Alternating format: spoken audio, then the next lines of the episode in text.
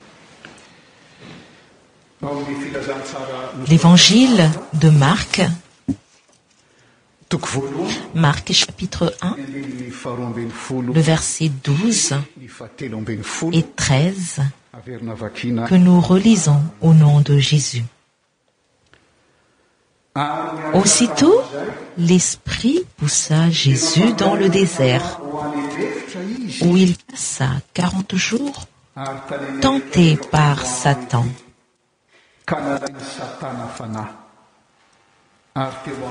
il était avec les bêtes sauvages et les anges le servaient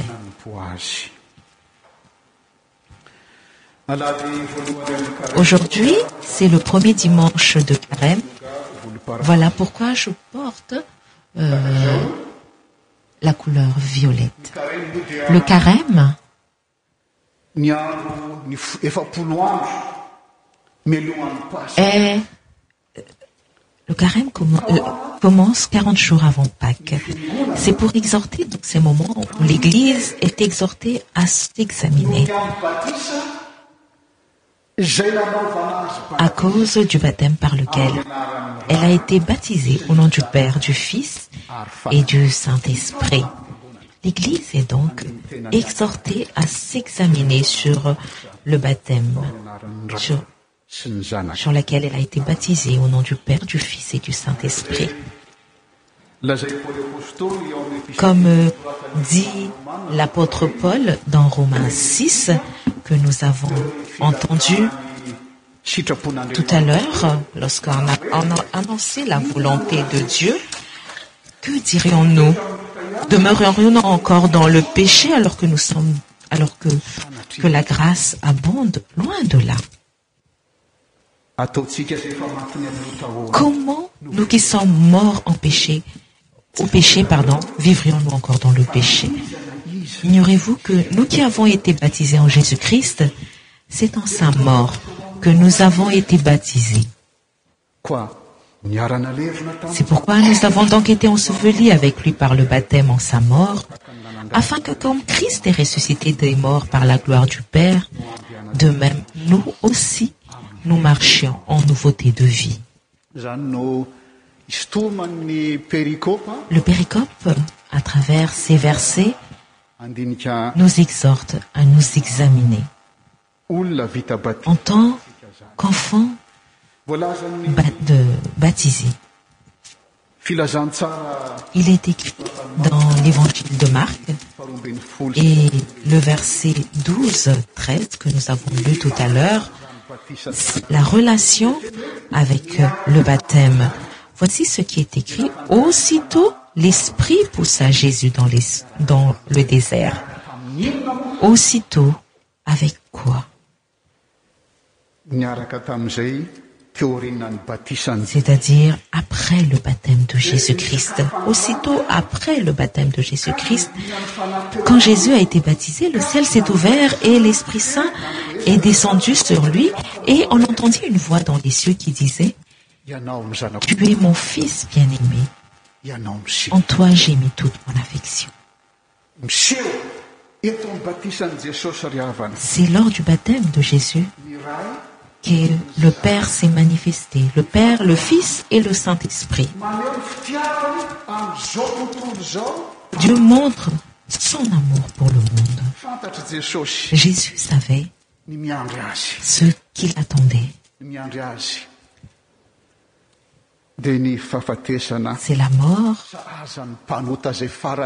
est destiné au pécheur le père savait ce que son fils allait endurer c'est pourquoi il dit tu es mon fils bien-améen toi jmis toute mon affectio ici l'esprit saint loin dans sa mission pour sauver le monde c'est cet esprit et c'est ce qui est étonnant chers amis c'est l'esprit saint qui le pousse dans le désert pendant quate jours pour être tenté par satan parmi les bêtes sauvages et les anges étaient là pour le servir la raison pour laquelle l'esprit pousse à jésus dans le désert c'est pour montrer que cet homme est véritablement un homme selon le cœur de dieu il n'est pas comme adam et eve qui était séparé de dieu parce queils ont écouté le diable c'est pourquoi la mort est venue dans le monde ainsi que ces conséquences mais cet homme il s'est dépouillé de lui-même il s'est renoncé à lui-même et il a passé outre les tentations de satan il a choisi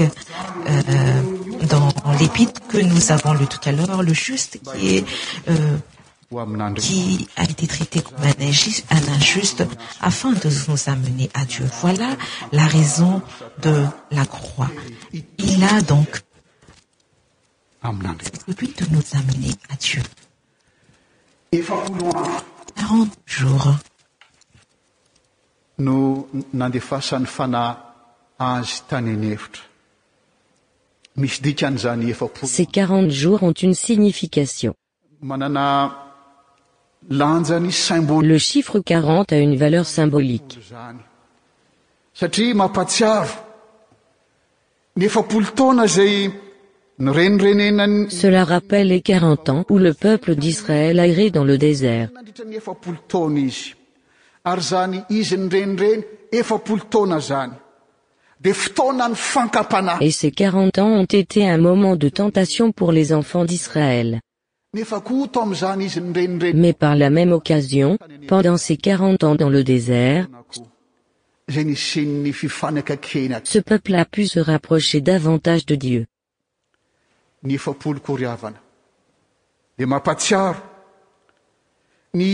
chiffre0 rappelle également les 40 jours où moïse a demeuré sur le mont sinaï malonna n raisany ni tennandriamantra de le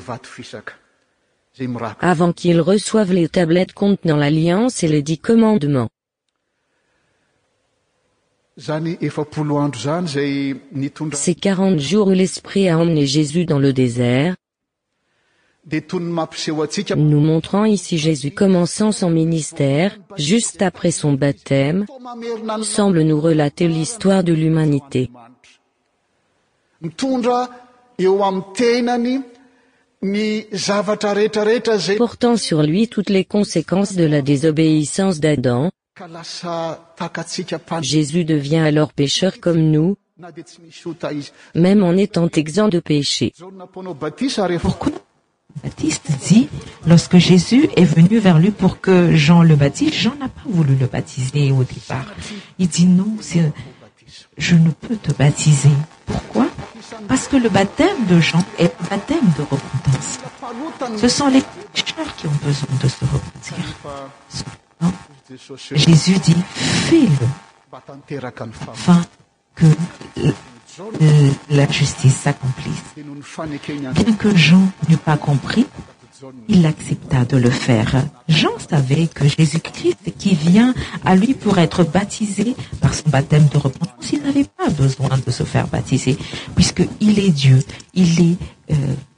euh, l'homme qui a été fait euh, qil est l'homme selon le cœur de dieu il n'avait pas besoin de se repentir cependant jésus a accepté s esaitpiou euh, euh, se repentir à notre place e il a porté sur lui nos choiàouoile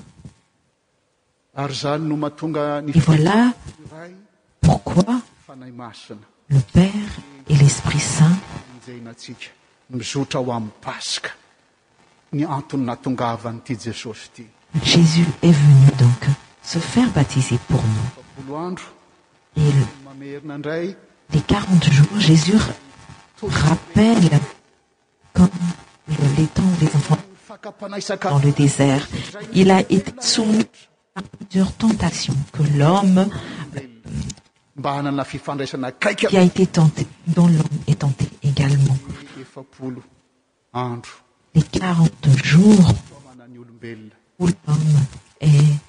d'exhorter à se tourner vers la parole de dieu la parole que lui a donné et c'est ce que veut montrer ici notre péricope jésus-christ qui commence son ministère marc dit il était avec les bêtes sauvages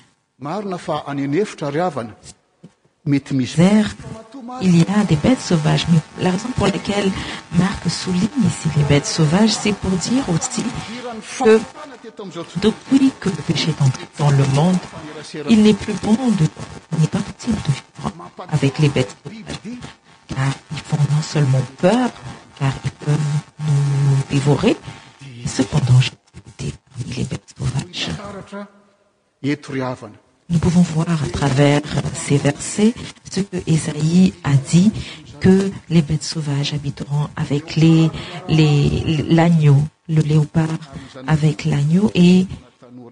les lions et les vipères vivront ensemble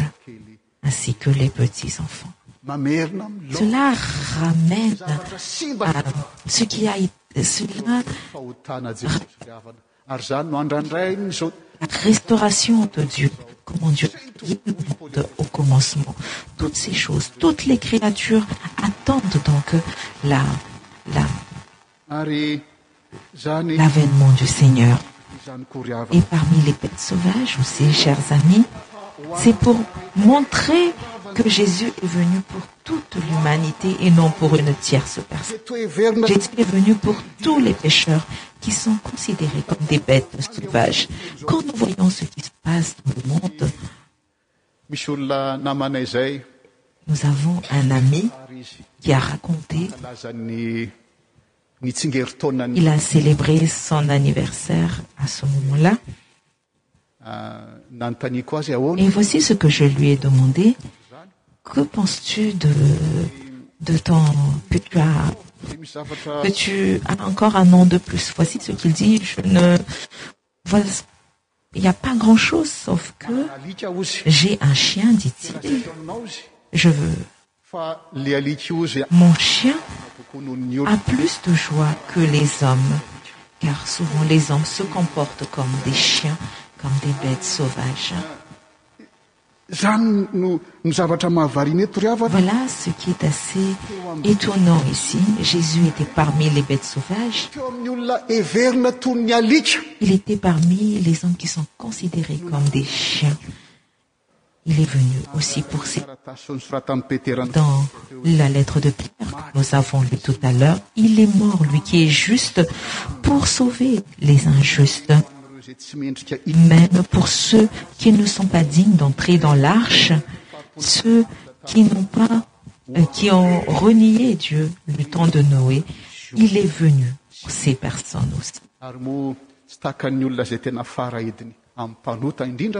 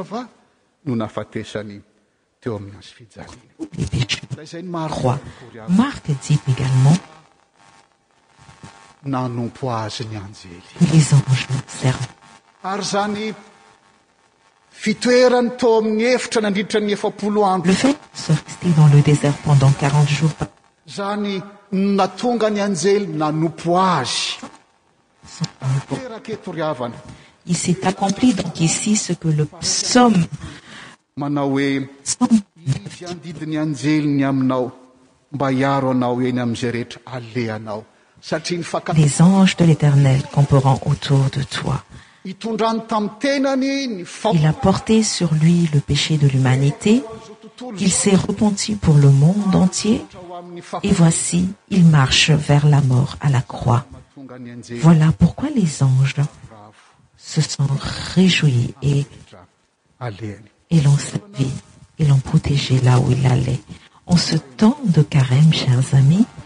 la question qu'on devrait so poserest-ce que je vis dans la nouvelle alliance que jésus-christ a apportée jeque nous vivons de cette alliance car cette nouvelle alliance c'est-à-dire vivre en tant qu'enfants euh,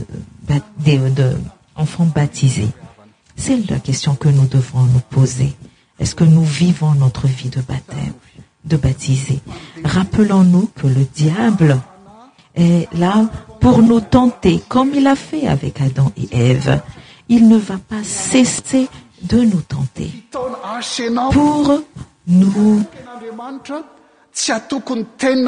renier dieu pour euh, mettre en doute la parole de dieu cependant celui qui était réuni par christ dans sa mort par le baptême il leur donne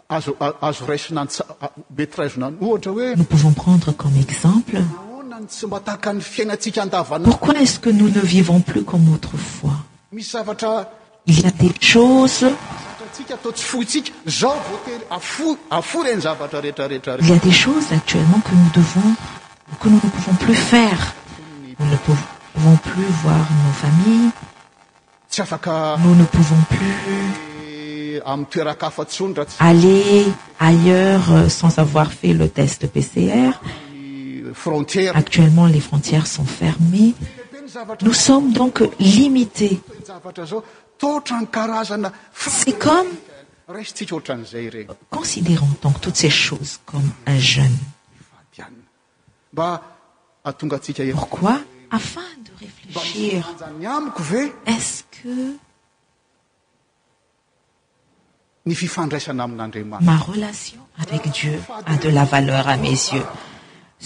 xje ne peux faire ceci et cela mais cependant si on m'oblige à ne pas entrer en communion avec dieu comment est-ce que je considérerai cela oh.